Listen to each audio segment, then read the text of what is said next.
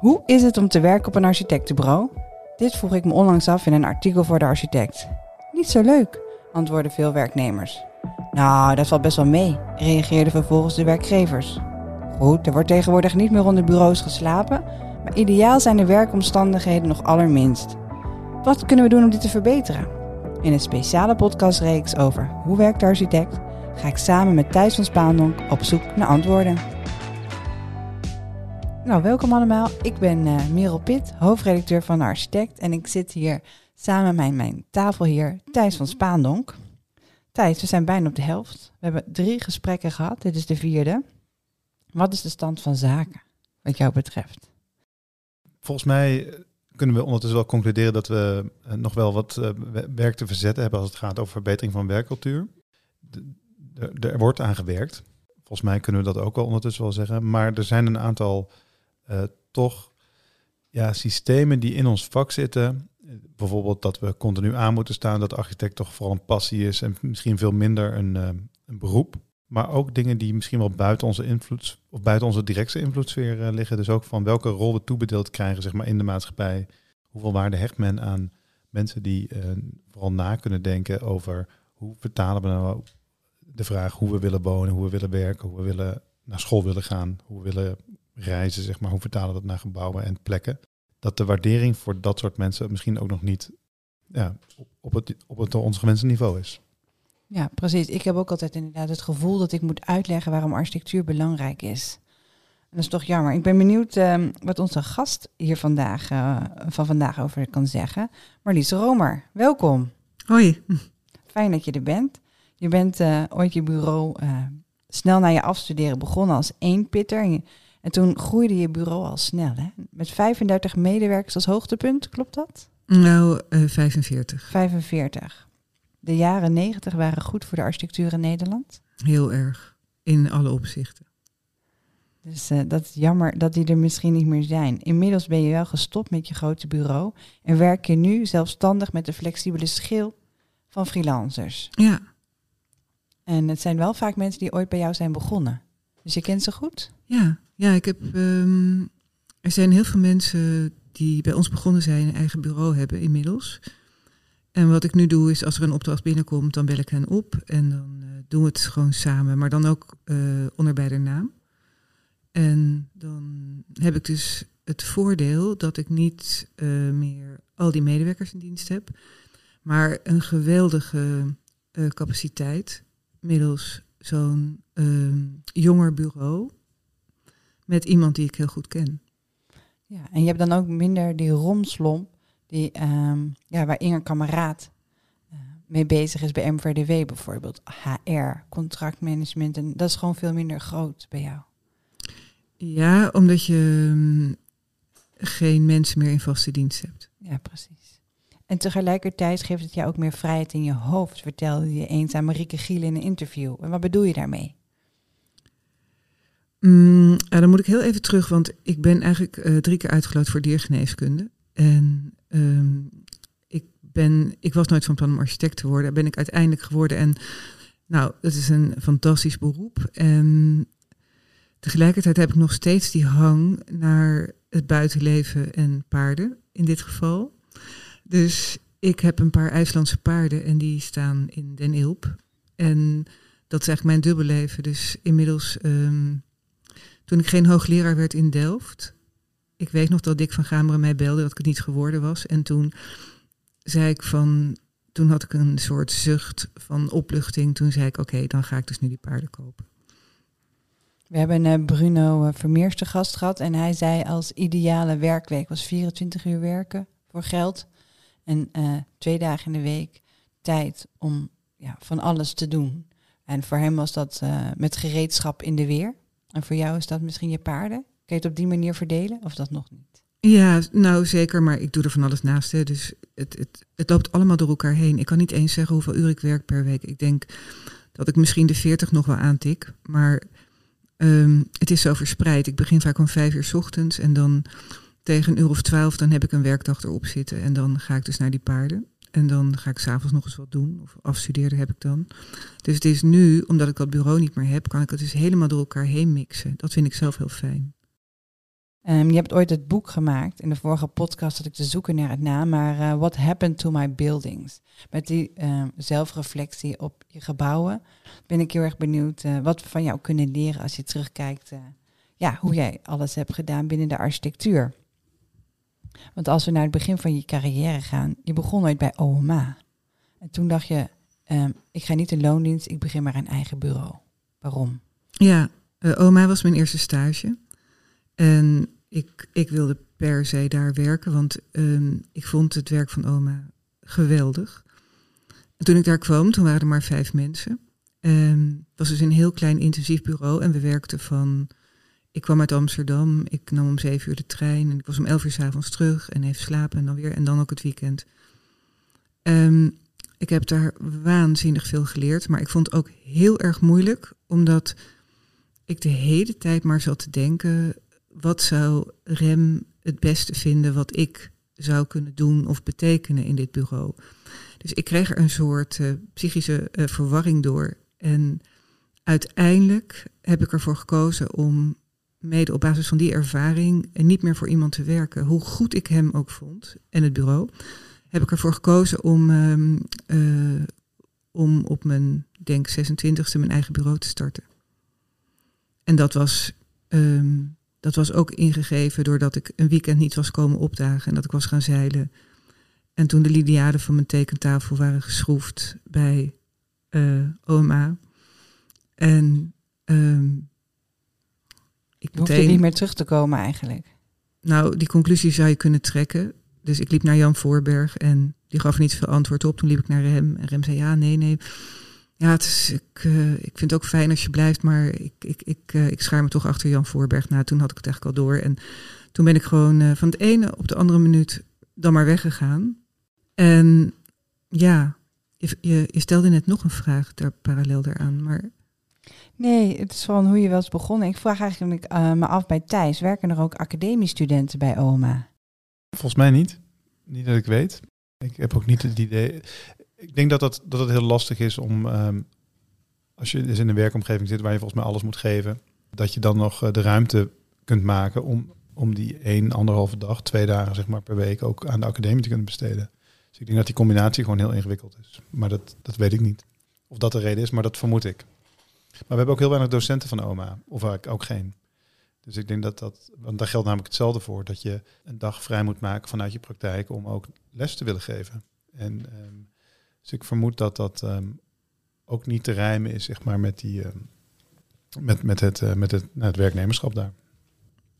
Kan maar ik weet het niet zeker hoor, dit is, een, dit is een vermoeden. Ik heb er ook nog niemand over kunnen bevragen. Nee. Je zei net, van die, jaren negentig waren geweldig voor architecten. Zonder een soort trip down memory lane zeg maar, in te gaan, dacht ik van, wat, wat maakte de, het toen zo fijn zeg maar, voor architecten om toen te werken?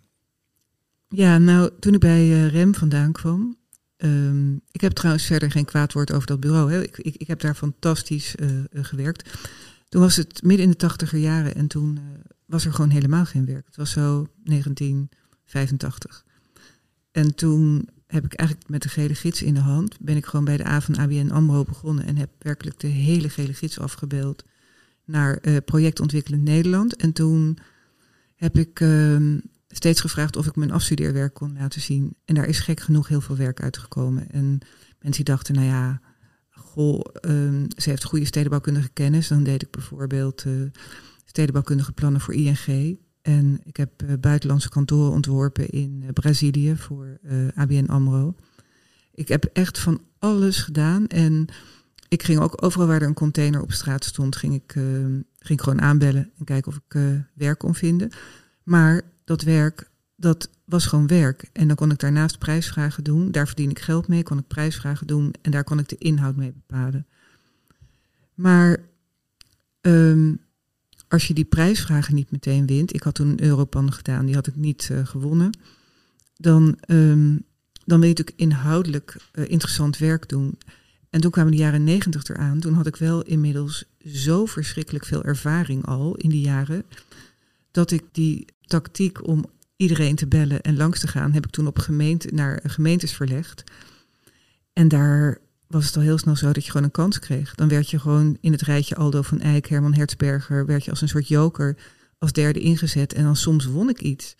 En ehm, dat was het begin van de jaren negentig. En toen kon ik eigenlijk echt beginnen, want toen had ik dus wel die technische ervaring inmiddels, want die heb je in Delft niet, maar die had ik me, ik had me laten bijspijkeren door mensen die op bureaus werkten al en hele goede techneuten waren, die kwamen s'avonds bij mij langs. En toen ehm, ja, kon ik eigenlijk het bureau echt starten en inhoudelijk uh, interessant werk doen. Want de jaren negentig toen kon je natuurlijk elke typologie, ehm, het experimenteren met materialen, het experiment, trial and error, dat stond voorop. En dat was absurd welke kansen we toen kregen. zeker als jonge architect. Je zou dus kunnen zeggen dat vooral de opdrachtgevers in de jaren negentig uh, heel goed werk hebben geleverd. Toen of eigenlijk heel veel, kan, heel veel ruimte hebben gemaakt voor jonge ontwerpers om, uh, om hun ding te doen. Ja, als je dat in deze tijd terugbeschouwt, is dat miraculeus wat er toen gebeurd is. En jullie werkten ook allemaal hard, hè? De buffelgeneratie van architecten die toen werkte, of niet? Ja, ik kan alleen voor mezelf spreken en voor een, een soort kring daaromheen. We hadden toen wel een soort club met Geurst en Schulze en Tom Venhoef en Lisbeth van der Pol en Tangram. We hadden wel een soort club en dan spraken we met elkaar af om al die dingen die er op ons afkwamen. Dat ging over architectuur, maar ook over bureaumanagement en dat soort dingen. Om dat uh, te bespreken. Um, en die mensen werkten allemaal snoeihard, omdat we die idiote kansen kregen. Um, ja, was iedereen daar fulltime mee bezig. Dat kan ik me wel herinneren en dat deed ik zelf ook. Het leverde veel op, maar je hebt uh, ook wel uh, gezegd in het interview met Marieke dat je ook wel roofbouw hebt gepleegd op je lichaam toen. Ja, het leverde absurd veel op. Um, we hadden soms wel dertig werken lopen die er allemaal toe deden. En met een dus goed honorarium? Met een geweldig honorarium, volgens de SR betaald. Dus daar hadden we ook weer geld, uh, kon je dan investeren in experimenten die dan weer niet betaald werden. Dus het was, het was echt een mekka. En het was gewoon heel moeilijk om niet dag en nacht aan te staan en, en daarmee, um, daarmee bezig te zijn. Dus ja, dat deden we allemaal. Dus dat aanstaan, want daar hebben we veel podcasts al over gehad, uh, Thijs en ik. Uh, dat is er nu nog steeds, maar toen um, was dat ook omdat er juist zoveel kansen waren, als ik je goed begrijp. En dat je ook gewoon heel veel op je weg kwam om te doen. Ja, ja ik heb toen fulltime gewerkt. Ondertussen was ik ook um, ouder geworden. Ik, um, um, ik heb dat eerst nog geprobeerd te ontkennen, want ik dacht dat mijn carrière zou mislukken als ik. Uh, dus ik had altijd een wijd jasje aan en mensen zeiden wel eens iets van: Goh, wat zie je er goed uit. Maar dan had ik al lang door dat ze vonden dat ik heel dik geworden was, wat ook zo was, want ik was een soort nijlpaard. En dan had ik dat jasje aan en op een gegeven moment kon ik er niet meer omheen.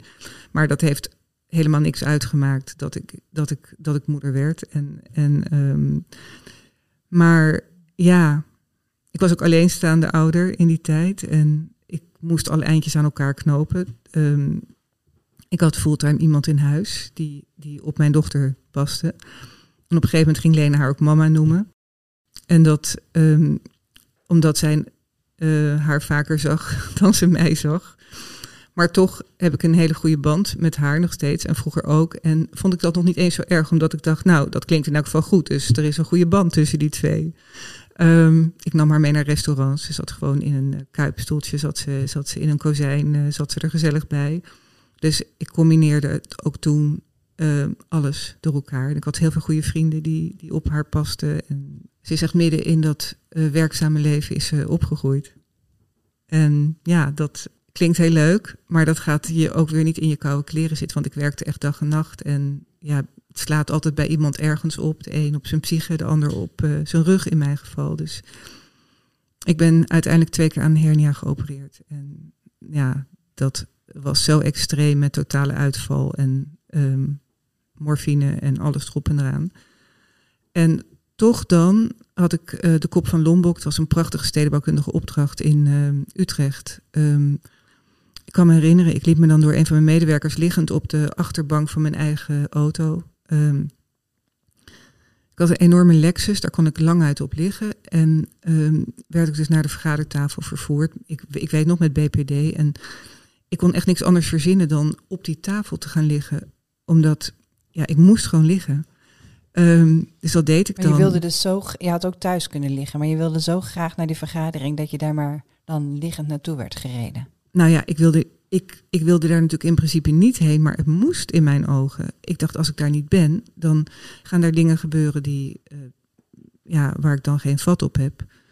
Dus ja, ik deed dat gewoon. En toen deed ik het eigenlijk ook allemaal. En later ehm, leek het wel, ja, was het echt een soort roofbouw die ik op mijn lichaam heb eh, gepleegd. Ik kreeg in 2008 kreeg ik de Amsterdamprijs eh, uitgereikt. En toen had ik inmiddels mijn tweede hernia. En ook met operatie en totale uitval. En toen lag ik in een bed in de coulissen van, de, van het muziekgebouw aan het ei. En met ehm, tramadol, dat is een soort morfine. En dan mocht ik, kon ik net even opkomen. Dat ging dan net goed. en toen moest ik dus iets zeggen. En op het eh, podium werd ik ook ontvangen. En uit heel veel mensen in de zaal. Het was allemaal heel leuk. En ja, op de een of andere manier, ik deed het. Het, het, het kwam niet in mijn hoofd op om thuis te blijven. Dus, en dan word je 50 en dan raak je in overgang. En dan opeens eh, kreeg ik echt een soort enorme nekslag. Toen was het niet meer een kwestie van een keuze. Toen moest ik echt gewoon bedenken dat ik niet op die manier door kon leven. Dus toen heb ik wel langzaam het bureau teruggebracht door een soort natuurlijk verloop. En toen ben ik steeds meer, nou ja, andere dingen ernaast gaan doen qua paarden enzovoorts. En toen heb ik dat heel langzaam teruggebracht naar waar ik nu sta. Bevalt het goed? Ja en nee. Ik vind het. ehm, ik, vind het ik vind dat ik een fantastisch leven heb. En ik doe nog steeds heel veel dingen die ertoe doen. Maar wat ik ontzettend mis, is gewoon dingen maken. Ik mis het gewoon om aan tien projecten tegelijkertijd te werken. Dat mis ik ook. En dat heeft er ook mee te maken omdat ik dus nu niet meer de slagkracht heb om grote tenders te doen en die te winnen. Ondanks dat ik, ik denk, 40 scholen gebouwd heb, dat ik dus niet meer in aanmerking kom voor scholenbouw omdat ik niet meer drie scholen kan laten zien die net zijn opgeleverd bijvoorbeeld. En terwijl ik juist op de toppen van mijn kunnen ben qua wat ik nu zou kunnen maken, vind ik het op dit moment ook jammer dat ik veel minder ontwerpopdrachten heb. Ik doe trouwens wel hele leuke dingen. Ik doe een, een kankercentrum in uh, een, een Maggie Center in Groningen. En ik heb net de villa van Aartje Veldhoen uh, verbouwd. En, of Aartje is overleden, maar dat doe ik dan voor Top Notch. En uh, ik heb de meest uiteenlopende, grappige opdrachten. Maar die opdrachten, die, uh, nou ja, ik, zou wel complexere situaties aan kunnen. En daar, daarom doe ik heel veel stedenbouwkundig werk. Ik hang boven heel Eiburg en doe van dat soort dingen. Maar dat is niet het zelf maken. En zelf maken vind ik gewoon het leukst. Um, we hadden het natuurlijk eerder over de jaren negentig. Um, en, en, en hoe fijn het toen eigenlijk was zeg maar, om een architectenbureau te hebben. Um, is, is, die, is die context totaal veranderd nu? Wat, wat, wat zouden we kunnen leren uit de jaren negentig om nu weer nou ja, zo'n fijne periode zeg maar, voor de architectuur te, te hebben? Nou, ik denk dat elk gebouw in principe een prototype is. Het is, het is een eenmalig iets. En daar hoort trial and error bij en onderzoek. En zoals het uh, de afgelopen jaren vaak is geweest in mijn beleving, is dat er teruggevallen werd op allerlei standaardtypes. Een, um, een casco-school, een, een, een soort standaard woningbouw. Als je met een woningbouwproject begon, dan kreeg je de plattegronden. En dan kon je de stedenbouwkundige sculptuur kon je maken. Dus um, die, die vergaande standaardisatie en ook um, vergaande standaardisatie van typologieën. Um, dat is echt een heel groot verschil met de jaren negentig. Ik wil ook nog heel even graag terug naar de jaren, maar dan veel meer over hoe je je bureau had ingericht. Um, als je nu weer zo'n grote bureau zou hebben, hè, um, hoe zou, wat zou je anders doen? Ja, je bent in Delft word je niet opgeleid. Uh, je wordt, je wordt uh, beroepsmatig. Het, is, het is eigenlijk geen universitaire opleiding, het is gewoon een beroepsopleiding eigenlijk. Um, je leert ontwerpen en zo, dat leer je goed. En, maar je hebt eigenlijk niet gerund om, zoals Willem-Jan Neutlings het ooit zei, om een sigarenzaak te runnen. Uh, met een kassa en, en het zorgen voor mensen, et cetera. Ehm, dus die skills die je moet hebben, en daarom sneuvelen denk ik ook heel veel architectenbureaus, omdat ze die skills niet hebben. Um, nou ben ik van huis uit heel zelfstandig opgevoed. Uh, ook omdat ik met een moeder ben opgevoed. Uh, mijn, mijn, mijn ouders waren gescheiden en ik was de oudste en ik runde het hele huishouden. Dus ik kon wel heel goed organiseren. Dus dat ging goed. Maar waar ik mezelf echt helemaal niet goed in vond, is uh, al die personele dingen. Um, ik was zo bevlogen en zo bezeten eigenlijk meer, dat ik, um, ja, er was er iemand zijn oma overleden of zo. En het kwam allemaal bij mij neer, omdat ik dus nooit partners heb gehad. Omdat ik, um, dat wilde ik wel, ik heb het ook wel eens geprobeerd, maar dan moet je zo'n klik hebben van A tot Z. Dus ik deed dat ook allemaal zelf. En wat ik nu anders zou doen, is dat ik toch met man en macht naar partners zou zoeken. En het, zou, het werk zou verdelen. En ik was een uit de hand gelopen eenmansbureau met 45 man. En daardoor was ik natuurlijk tegen het licht overspannende aan, kunnen we achteraf best zeggen. En wat ik gewoon, dat heeft. Um, ik, was, ik was echt um, kort van stof en bezeten om uh, die werken af te maken. Je ging en, niet in gesprek. Nou, ik ging dan wel met, met al mijn werknemers naar Barcelona en fietsen. En we deden ook echt leuke dingen. Maar dan, het kostte me, als ik eerlijk ben, echt af en toe moeite om me in al die mensen te verdiepen. En het waren natuurlijk ook te veel voor één persoon. En mensen werken er. En um, mensen raken soms overspannen. En er gebeuren allerlei dingen. En als ik iets over zou mogen doen, dan zou ik gewoon beter voor die mensen zorgen. Helder, dankjewel. En dan hebben we ook nog een ander onderwerp wat ik ook heel graag nog even aan de orde breng. Want we, we gaan enorm over onze tijd. Um, als vrouw binnen de branche opereren. Op LinkedIn heb je op een gegeven moment ook uh, gereageerd op een uh, post van uh, Lydia Luiten van de BNA, onder andere. Um, wil je daar wat over vertellen? Hoe dat is om te opereren binnen deze branche?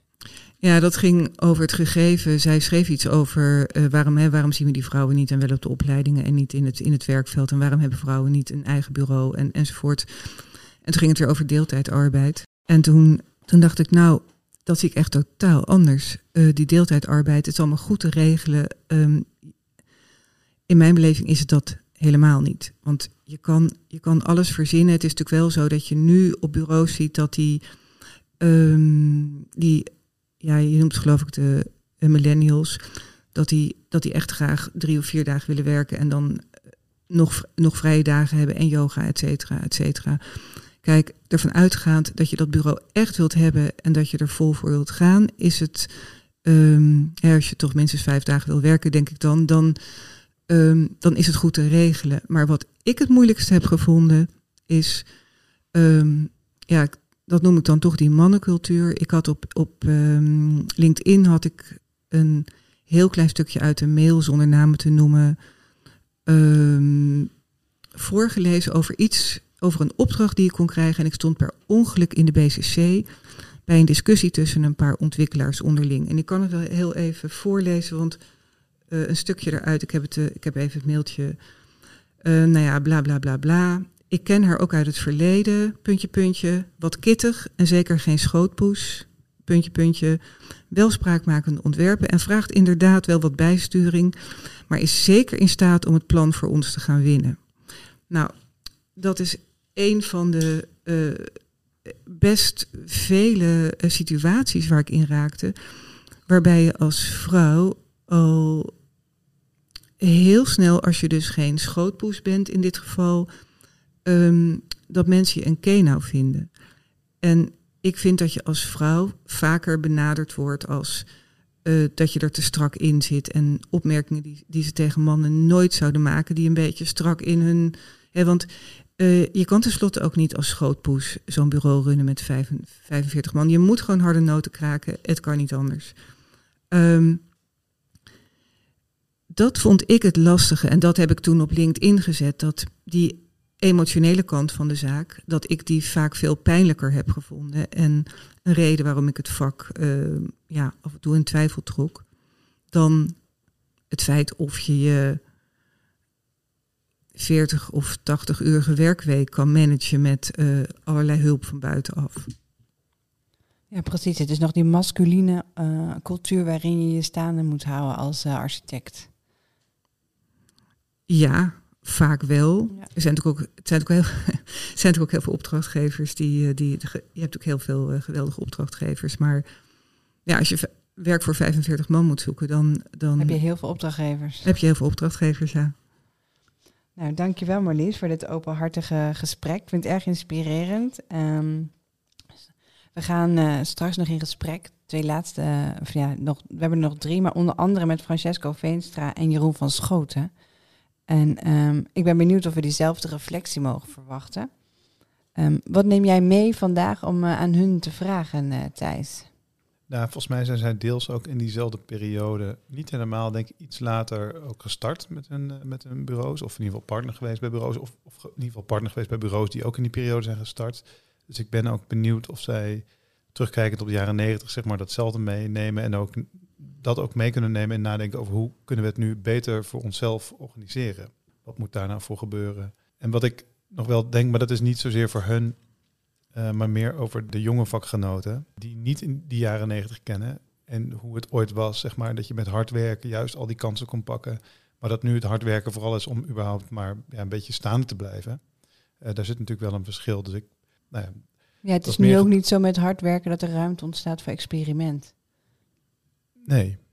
Nee, nee precies dat. Dat vond ik heel, heel fijn dat je dat zei over dat, die ruimte voor experiment die er toen wel was. Om elk project zeg maar de, denk, de denktijd ook te hebben om nou, denk, wat voor project het kon worden.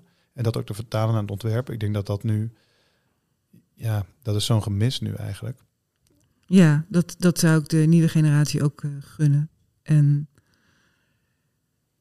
nou ja, dat is weer een heel andere discussie hoe we dat van z'n allen voor elkaar moeten krijgen. De volgende podcastreeks uh, voel ik al aankomen, Thijs.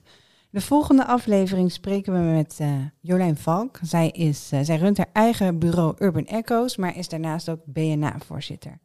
Ehm, we gaan het met haar hebben ook over een beetje saai, maar belangrijk onderwerp. De CAO voor architectenbureaus, die een uh, in vergelijking met andere branches relatief laag is. Maar ook het ondernemerschap van architecten, hoe het daarmee staat, hoe ze daarnaar kijkt. En de gedragscode die architecten ondertekenen als ze lid worden van de BNA. Um, wil je ook deze aflevering luisteren? Houd dan onze nieuwsbrief en socials in de gaten, want 21 november komt die online. Dank jullie wel. Dankjewel. Dank je.